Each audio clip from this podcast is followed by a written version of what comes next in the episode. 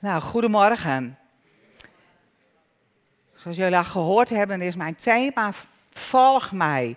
En daar hebben we net ook al over gezongen. Leer mij te volgen, te gaan waar u mij leidt. En ik wil nadenken over wat de volgen betekent. En dan wil ik beginnen met een voorbeeld dat me heel erg geraakt heeft. Ik was op een gegeven moment uh, aan het wandelen en toen kwam ik mijn neefje Mike tegen. En uh, die wilde achter mij aanlopen. Nou, ik zei tegen hem, maar jij weet helemaal niet waar ik langs ga. Nou, zei hij, dat maakt ook niet uit. Ik ga gewoon achter jou aan. En weet je, dat, dat was zomaar even een voorval van alle dag. Maar dat raakte mij zo. Als je op weg bent, hoef jij niet te weten waar je langs moet gaan. Maar je moet degene kennen die je volgt. Je moet degene vertrouwen achter wie jij aanloopt. Dus dat is eigenlijk het, dat is het allerbelangrijkste van volgen. Dat jij vertrouwen hebt in degene die jou leidt. Dat je die kent en dat je weet waar, ja, dat je die goed in het oog houdt. Nou, de Heer Jezus, die doet ook een oproep aan Filippus om hem te volgen. Hij zegt, volg mij. Laat alles achter en volg mij als mijn leerling. En Filippus die doet dat ook. En die oproep die doet Jezus ook aan ons. Misschien op een heel ander terrein vraagt hij dat van jou. Maar hij zegt, volg mij. Ga de weg die ik voor je heb.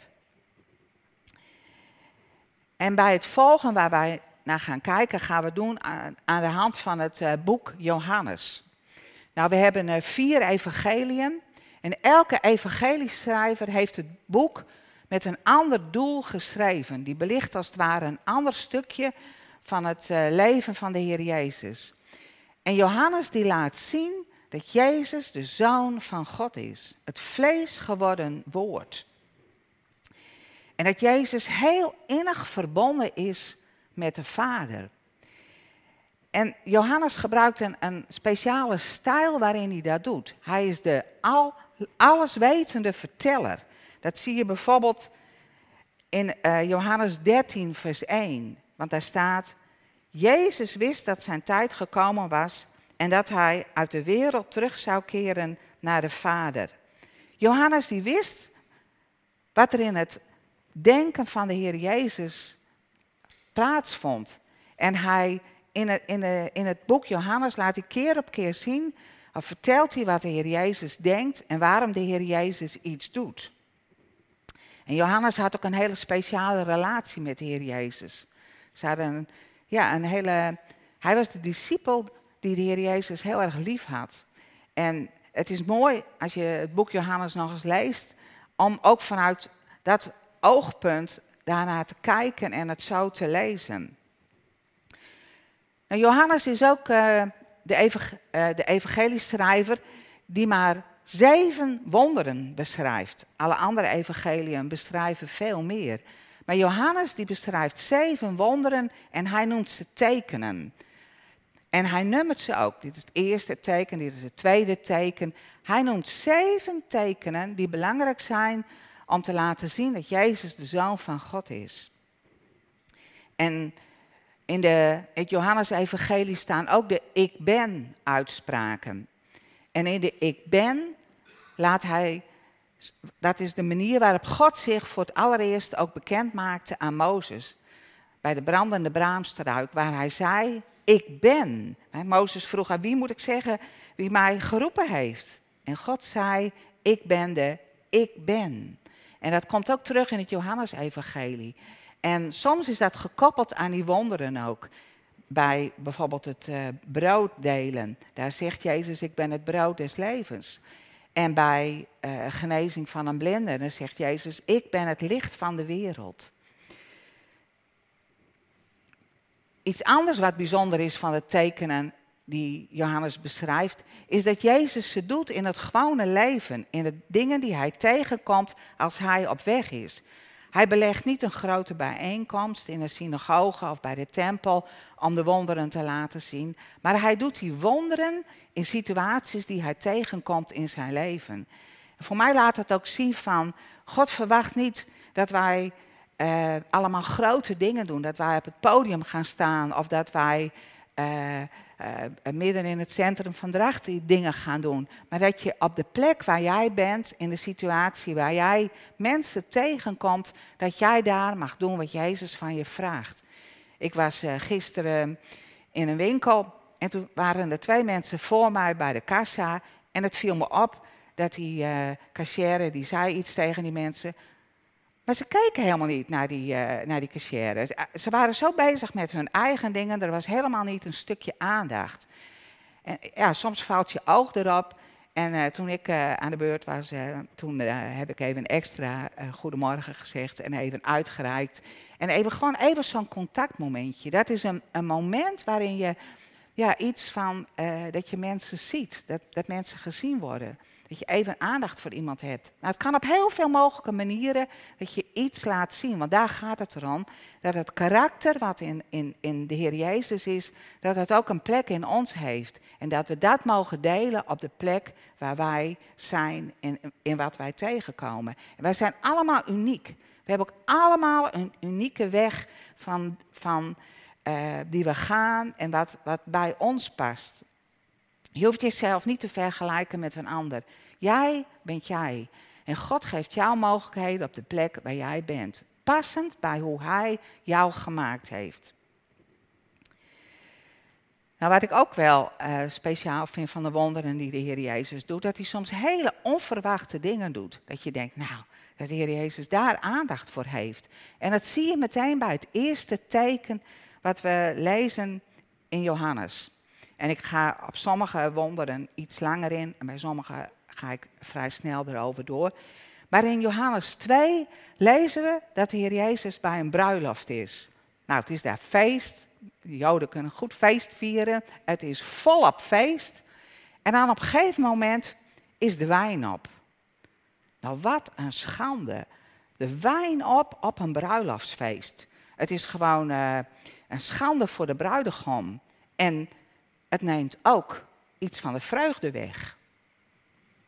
En Maria die heeft dat wel in de gaten. En die ziet dat zo en die denkt, mooi iets voor mijn zoon om in actie te komen. En hij gaat naar de, ze gaat naar de Heer Jezus toe en ze zegt van, nou, ze vertelt hem wat er aan de hand is, want dat is haar al opgevallen. En dan zegt de Heer Jezus tegen haar, mijn tijd is nog niet gekomen. Nou, Maria denkt, je weet me nooit wat er gebeurt, dus ze gaat wel even naar die bedienden toe. En ze zegt, als hij, die Jezus, straks bij je komt, moet je wel doen hoor, wat, uh, wat hij tegen je zegt. En inderdaad, op het juiste moment gaat de Heer Jezus naar die bedienden toe. En dan staan daar zes vaten. Vaten uh, die gebruikt worden als uh, reinigingsritueel. Nou, en ik heb even, het, het, zijn vaten van 100 liter. Nou, ik weet niet precies hoe groot, maar ik denk misschien iets van zo groot. 100 liter. Zes van die vaten. En dan zegt de Heer Jezus tegen die bedienden, vul deze vaten met water. Nou, dan denk je van, wat, waarom zouden we dat doen? Maar hij zegt er ook nog iets bij en hij zegt, en als je ze gevuld hebt, moet je er iets uitnemen en dan moet je daarmee naar de ceremoniemeester gaan. Hele wonderlijke opdracht. Wat zou jij doen als, als God een opdracht in je hart legt wat je denkt, nou, wat gaat daarmee gebeuren? En zou je ermee naar de ceremoniemeester gaan met dat water? Ja, ik denk zelf met zo'n soeplepel. Maar ja, dat is me net hoe je het je voorstelt. Dat je erheen gaat, eruit schept en dat je zegt, moet eens proeven. Maar die bedienden die doen dat. En dat is in, in een tijd dat de Heer Jezus nog niet bekend is. Dat hij nog geen wonderen gedaan heeft. Maar ze nemen het risico en ze doen wat de Heer Jezus zegt. En ze nemen het water. En de ceremoniemeester die weet helemaal niet wat eraan vooraf gegaan is. En die ceremoniemeester die neemt het en die proeft het. Jongen, dit is beste wijn.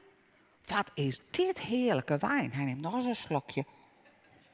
Mm. Nou zegt hij tegen die bruidegom, Jongen, dat u deze beste wijn bewaard heeft voor later. Je begint altijd met de beste wijn. En als de mensen al wat gedronken hebben, dan proeven ze het niet meer zo goed. dan kunnen ze wel die mindere wijn krijgen. Maar de beste wijn, dat is wat de Heer Jezus doet. Als Hij een werk doet, dan maakt Hij het allerbeste. Dan komt Hij daarmee. En wat gebeurt er daar? De vreugde komt terug. De vreugde komt terug in het, uh, op het feest. En dat is ook wat de Heer Jezus wil geven. Hij wil vreugde brengen. God is een God van vreugde. En dat vind ik zo mooi.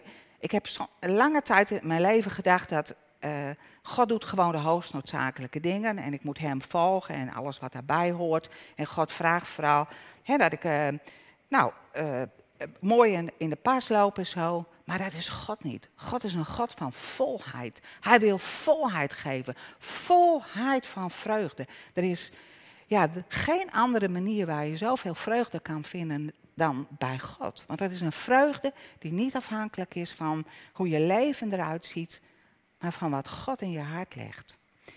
En wat betekent dat nou voor ons? Als wij volgen, wat kan je van dit wonder leren? Nou, je kunt er zelf over nadenken. Maar wat ik er ook uitgehaald heb, is dat je luistert naar de Heer Jezus. En dat je gehoorzaamt. En dat je doet wat Hij tegen je zegt. En dat je niet doet wat een ander van je verwacht. Maar dat je doet wat de Heer Jezus tegen je zegt.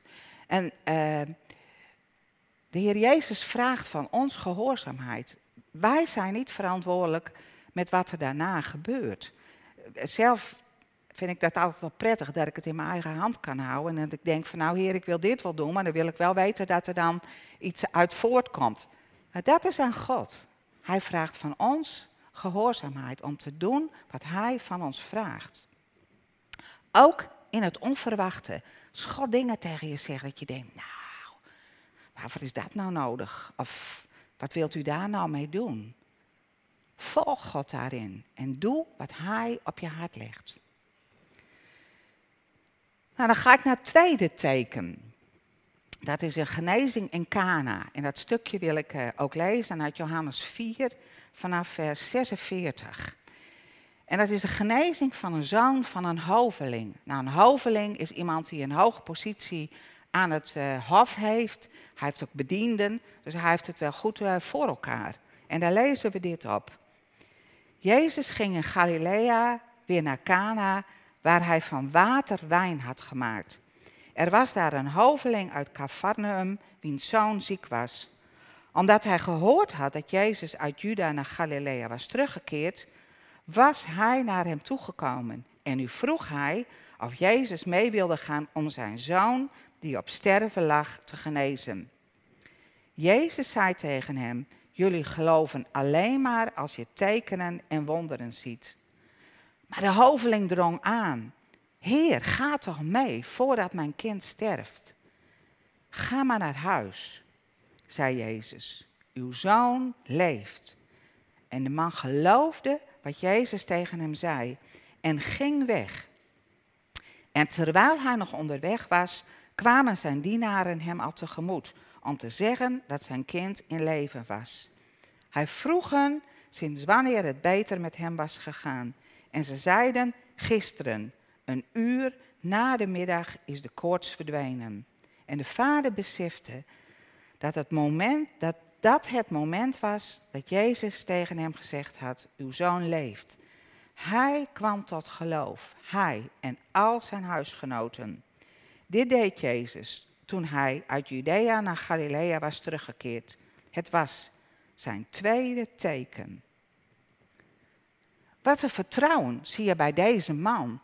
De Heer Jezus heeft nog maar heel weinig eh, wonderen gedaan, maar hij weet, ik moet naar de Heer Jezus toe gaan. Mijn zoon is ziek, ligt op sterven. Ik moet een beroep doen op de Heer Jezus.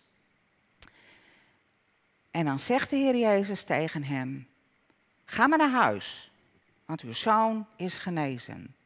Nou, die man kan niet even een telefoontje doen of even een appje sturen om te checken of het gebeurd is. Hij gelooft. Hij gelooft wat de Heer Jezus tegen hem zegt. En hij gaat naar huis en onderweg komen die bedienden hem al tegemoet. En dan blijkt dat die zoon genezen is op het moment dat de Heer Jezus die woorden heeft uitgesproken. En pas dan komt die hoveling met zijn hele gezin ook tot geloof. Hij was nog niet een volgeling van Jezus.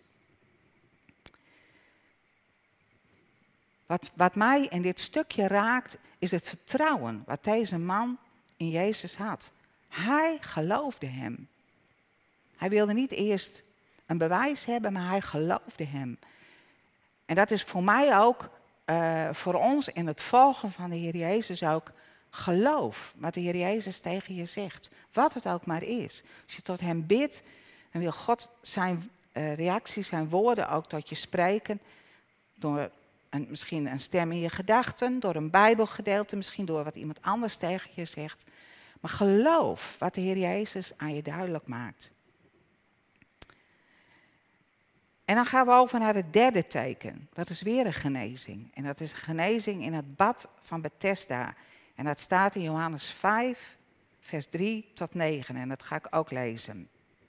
Daar in Bethesda lag een groot aantal zieken, blinden, kreupelen en misvormden. Er was ook iemand bij die al 38 jaar ziek was.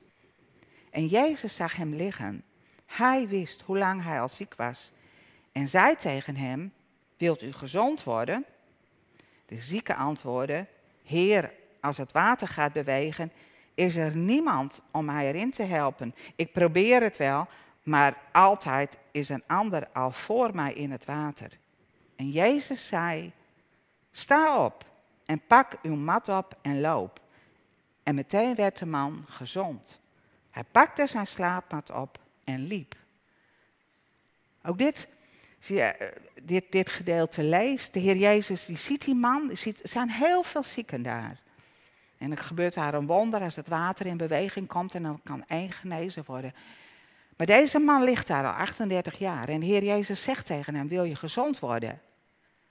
Nou, als de Heer Jezus dat tegen je zegt, dan zou ik zeggen, ja, dat, dat, daar zie ik naar uit, daar zie ik naar uit. Maar deze man heeft eigenlijk al geen hoop meer, want hij zegt, het, ik kan nooit zo snel bij dat water komen, het lukt mij nooit. Ik, het, ik ga het niet redden. Maar dat vroeg de Heer Jezus niet. De Heer Jezus zei, wil je gezond worden? En Ehm, de Heer Jezus zag deze ene man. Niet iedereen werd daar genezen. Er waren heel veel mensen die daar lagen. Maar de Heer Jezus zag deze ene man. En uh, waarom ging hij daarheen? En dat is een geheim wat je ook even verderop in vers 19 uh, eh, leest.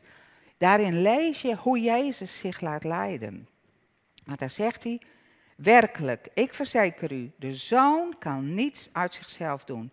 Hij kan alleen doen wat hij de vader ziet doen. En wat de vader doet, dat doet de zoon op dezelfde manier. De wonderen die, Jezus, die de Heer Jezus doet en hoe hij wandelt in zijn leven, dat komt door de relatie die hij met zijn vader heeft. De vader maakt hem dingen duidelijk en dat doet Jezus.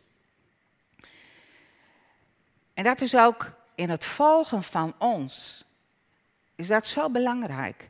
Dat wij die relatie met God de Vader hebben. Dat wij delen van hart tot hart met God de Vader. Dat wij naar Hem luisteren. Dat we aan zijn voeten zitten. Dat we zo verbonden zijn met de Vader. En dat de Vader ook tot ons kan spreken. En wij hebben de Heilige Geest. De Heilige Geest die woont in ons. En die maakt de geheimen van de Vader ook aan ons bekend. En wij mogen leren om de Heilige Geest naar de Heilige Geest te luisteren en ook te doen wat de Heilige Geest zegt. En dat doet mij denken ook aan, aan lopen op navigatie. Ik ging op een gegeven moment op een uh, app lopen. Ik deed een uh, wandeling in een uh, omgeving die ik niet heel goed kende. En ik moest goed luisteren naar de aanwijzingen van de app die ik kreeg. En het werd best wel op het laatste moment gegeven van ga rechtsaf of linksaf. En je moet goed luisteren om, en niet je eigen gang gaan, maar doen wat die stem uh, tegen je zegt. En dat is ook zo met de Heilige Geest. Soms kan je zo je eigen gang willen gaan, maar het is het, Heer, wilt u mij maar leiden en wilt u mij maar duidelijk maken wat u voor mij heeft. Nou, toen ik daar zo aan het wandelen was, nou, toen op een gegeven moment dacht ik, hé, hey, ik liep gewoon door. Ik, ik hoor al een tijdje niks meer. Dus ik eens even op mijn telefoon kijken. Ja, bij Rempel. Ik was helemaal van de route af. Ik, uh, ik volgde die hele route niet meer. Maar die app was heel mooi, want daar zat een uh, knop op, kon ik op drukken en op die knop stond terug naar het startpunt. En dan maakte die app een nieuwe wandeling terug naar het punt waar ik begonnen was. Nou, toen kon ik weer mooi, ik leerde ervan hoe ik beter moest luisteren en dat ik niet gericht moest zijn op allemaal andere dingen, maar dat ik moest luisteren naar die stem van de app. Maar dat laat mij ook zien in mijn eigen leven. Soms ga ik mijn eigen route. Ik denk dat we dat wel herkennen, dat je je eigen route gaat lopen. En dat je dan denkt, Heer, ik ben mijn eigen weg gegaan. Dan hoef je niet terug en kijken van waar is het misgegaan. Maar op dat moment mag jij zeggen, Heer, ik wil de weg gaan die u voor mij heeft. Hier ben ik, we hebben net gezongen, hier is mijn hart, Heer. Hier is mijn leven. En dan is God daar. En dan zegt God, ik leid je. God, God, God wil niks liever dan voor ons uitgaan. En Hij, God kent ons door en door. Er is niemand die ons zo goed kent. God weet precies wat er in jou, wat Hij in jou gelegd heeft. En Hij wil niks liever dat jij op plekken komt waar jij past. En waar jij tot je recht komt en waar jij dingen kan doen die bij jou passen, die jij van God gekregen heeft. Dus God, dat is een gebed naar Gods hart. En hij, hij, hij zegt, nou luister nu goed, doe de, alles wat je oren verstopt, doe dat er even goed uit. En luister naar wat de Heilige Geest tegen jou wil zeggen. En dan gaan we naar het vierde teken. Het vierde teken dat is in Johannes 6 en dat is het breken van het brood. Nou, het breken van het brood is ook heel bijzonder. Er zit een hele grote groep, 5000 mensen. Nou, het was buiten. Nou, moet je je voorstellen hoe groot groep dat is. En die hebben al de hele tijd naar de Heer Jezus geluisterd. En de Heer Jezus die denkt, nou ze hebben, krijgen honger. Ze hebben iets nodig. En eh, de discipelen denken, nou stuur ze maar naar huis, het is wel genoeg geweest. Maar de Heer Jezus die wil zorg voor hen dragen. En die zegt, is hier ook iets te eten? Nou, dan is er een jongetje, vijf broden en twee vissen heeft. En dan neemt de Heer Jezus dat. En dan zie je die discipelen denken, wat is dat nou? Vijf broden en twee vissen en al die mensen, wat moeten we daar toch mee? En dan doet de Heer Jezus het geweldige wonder dat hij begint te breken en te breken. En dat hij zegt, neem het en deel het rond. En ik denk, aldoende als ze aan het ronddelen zijn, wordt het meer en meer vermenigvuldigd. Wat een wonder. Jezus, die het brood des levens is, deelt ook het fysieke brood uit. Wie van jullie heeft wel eens zo'n wonder gezien? Dat, dat, dat heel weinig te eten is en dat het gedeeld wordt. En dat er meer en meer komt en dat iedereen die er is, dat hij genoeg heeft. Heeft iemand van jullie dat wel eens meegemaakt? Nou, ik ook niet. Maar ik, ik heb wel eens verhalen gelezen dat dat gebeurt. Dus het kan zeker. Want bij God is natuurlijk alles mogelijk. Maar hier wordt ook bedoeld dat wat jij van de Heer Jezus gekregen hebt. De talenten die jij gekregen hebt. Dat wat je aan uh, capaciteiten hebt. Wat jij, en dat je dat in de hand van de Heer legt. En dat je zegt, Heer, hier ben ik. Neemt u mij maar. En dan, en dan gaat de Heer Jezus met jou, de Heer Jezus is met jou op weg. En die neemt het en die vermenigvuldigt het terwijl jij gaat geven. Zodat een ander erdoor gezegend wordt. En die kan ook weer een andere zegenen. Dus dingen die je voor jezelf houdt. Dat je denkt, oh, van dit nou mooi. Wat hebben wij een mooie dienst gehad. Wat echt geweldig. Maar dan blijft het bij jezelf. Maar als je zegt, de Heer heeft gewoon iets bijzonders laten zien aan mij. En dat wil ik uitdelen, dat wil ik vertellen. Als je dat doorgeeft, dan gaat de Heer Jezus dat zegenen. En je gaat groeien. Hij gaat in jouw dingen vermenigvuldigen, zodat het meer wordt. En dat vind ik het mooi. Je hoeft nooit te denken, nou, ik heb maar weinig. Je hoeft ook niet te denken, oh, wat heb ik heel veel. Dat je, als het ware, boven jezelf ja, uitstijgt. Maar je mag zeggen, wat ik heb, dan ga ik delen. En dan ga je ontdekken dat je gaat groeien. Dat er meer en meer in jou komt. Dat je groeit in zekerheid, in kracht en in autoriteit. En dan is er overvloed. Zoals er overvloed was bij dat eten, gaat de Heer Jezus ook door jou heen geven. Het volgende teken Het vijfde teken lezen we in Johannes 6. En dat is lopen over het water. Nou, na de wonderbare spijziging, het breken van het brood, dan gaan de discipelen het meer op in de boot. Maar de Heer Jezus blijft achter. Hij blijft. Hij gaat niet met hem mee. En de discipelen, dat zijn uh, gehaarde vissers, vissermannen, vissers. En die zijn daar uh, op het water. Maar dan uh, begint het te stormen. De wind, de wind wordt sterker en het begint te waaien. En het wordt daar best wel spannend in dat bootje. En dan stoppend in die storm zien ze er ook nog opeens iemand lopen. Op het water. Ze schrikken zich rot. Denken, wat is dit? Wat gebeurt ons hier? En dan komt Jezus dichterbij, want dat is Jezus.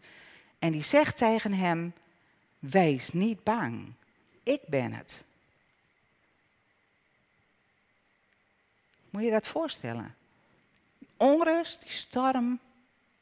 En dan komt de Heer Jezus daar. En die zegt, wees niet bang. Wees niet bang, want ik ben er. En dat is ook het woord wat voor ons is. Je hoeft niet bang te zijn, want Jezus zegt ook tegen jou, ik ben er, ik ben bij je. Ik omring je, ik ondersteun je, ik zorg voor je, ik ken je. Daar waar de Heer Jezus bij je is, hoef je niet bang te zijn. Wat je ook tegenkomt en hoe je situatie ook is.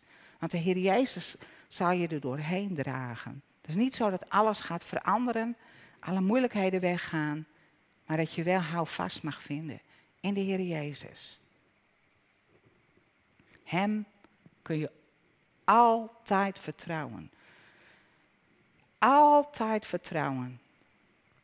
Hij doet wat hij uh, belooft. In een tijd waarin ik zelf uh, uh, pijn had en, en, en, ziek was en, en eigenlijk uitzag naar genezing, gebeurde dat niet. Maar ik kan zeggen, elke keer als ik pijn had, dan was de Heer Jezus daar. En, en bracht het me rust. En, en genezing is niet gekomen, maar rust en vertrouwen in God is wel gegroeid. Want de Heer Jezus zegt, ik ben bij je. Nou, het zesde teken is de genezing van een blinde. En dat staat in Johannes 9.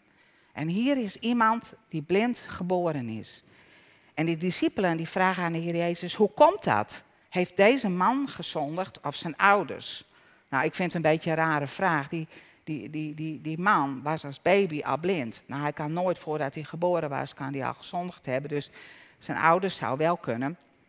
Maar de Heer Jezus die zegt in Johannes 9, vers 4, of hij zegt van, Gods werk moet door hem zichtbaar worden. Daarom is deze man blind, omdat Gods werk door hem zichtbaar gaat worden. Want we lezen dan in Johannes 9, vers 4, zolang het dag is, moeten we het werk doen van hem die mij gezonden heeft. Straks komt de nacht en dan kan niemand iets doen. Zolang ik in de wereld ben, ben ik het licht voor de wereld. En dat wilde de Heer Jezus ook in deze man laten zien. Dat hij het licht in zijn ogen kreeg, maar dat de boodschap nog veel krachtiger was. Dat in de duisternis waarin de mensen leefden, dat Jezus het licht was. Dat hij hoop geeft. En wij mogen ook het licht van de wereld uh, zijn. Nou, vorige week heeft uh, Andrew daarover gesproken. Hoe wij het licht kunnen zijn in de wereld waarin uh, wij leven. En dan komen we bij het zevende teken. Dat is een uh, heel krachtig teken. Dat is in Johannes 11. En dat is Lazarus die uit de dood opgewekt wordt. In dit verhaal zie je aan de ene kant de bewogenheid van de Heer Jezus met het lijden en het verdriet van zijn vrienden. Staat dat hij huilde.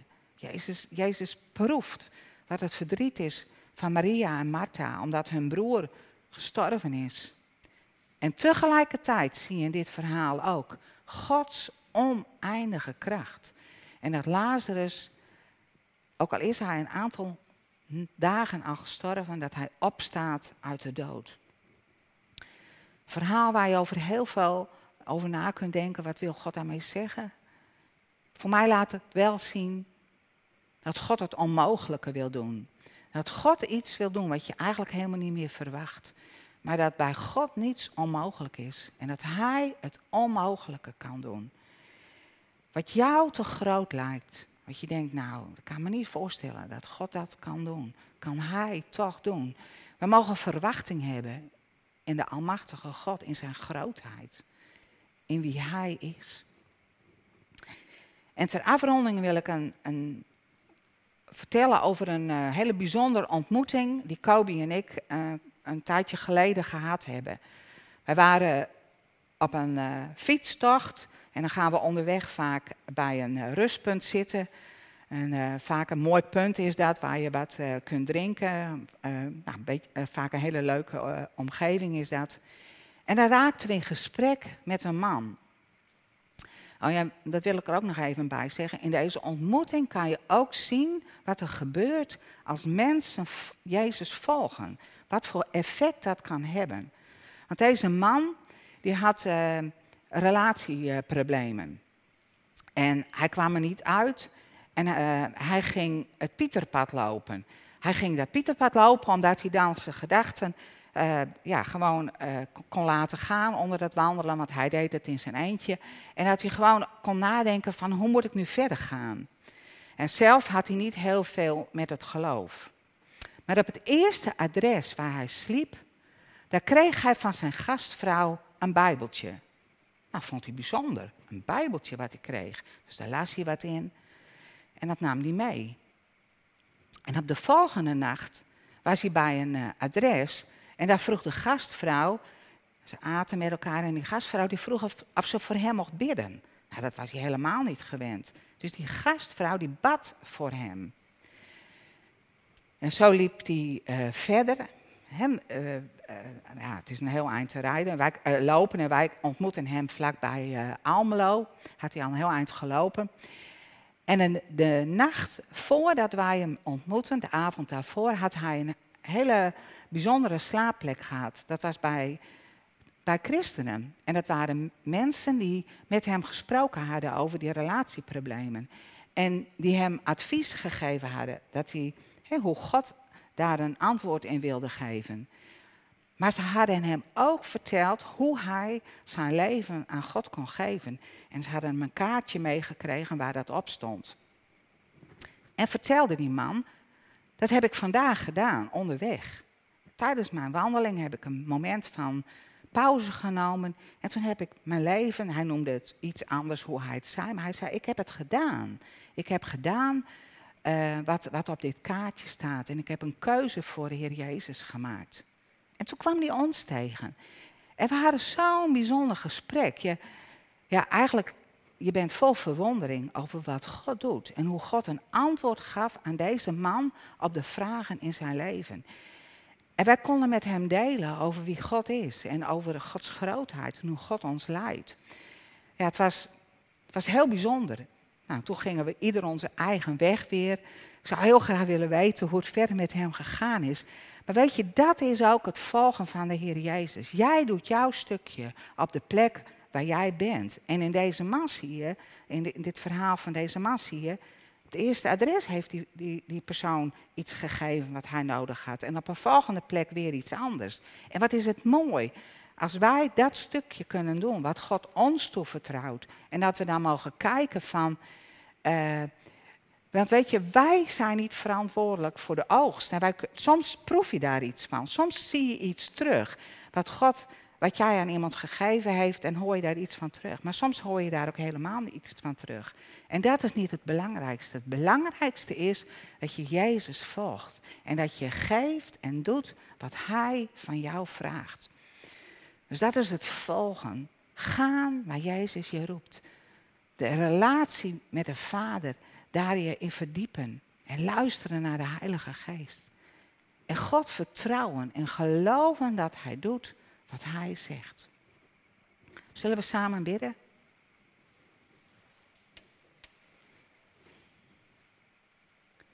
Dank u wel. Heer, dank u wel. Wat, wat geweldig. Heer, dat we u kennen. Dat we met u mogen leven. Heer, dat u de God van kracht, de God van leven bent. Heer, dat u nooit loslaat wat u in ons begonnen bent. Heer, dat we met u op weg mogen zijn. En dat u de God bent die voor ons uitgaat. Heer, ons verlangen is om u te volgen, om te gaan waar u ons roept. Over heuvels en door dalen. Door het water, misschien over het water, in spannende dingen die u van ons vraagt. Maar dank u wel, Heer, dat u er bent. Heer, wilt u een verlangen in ons hart leggen om u meer en meer te kennen en om te geven wat wij hebben. Dank u wel voor wie u bent. Dank u wel voor uw grootheid, voor uw kracht. Dank u wel dat u uw woord hebben om daar steeds meer van te ontdekken over wie u bent. Heer, dank u wel daarvoor. Amen.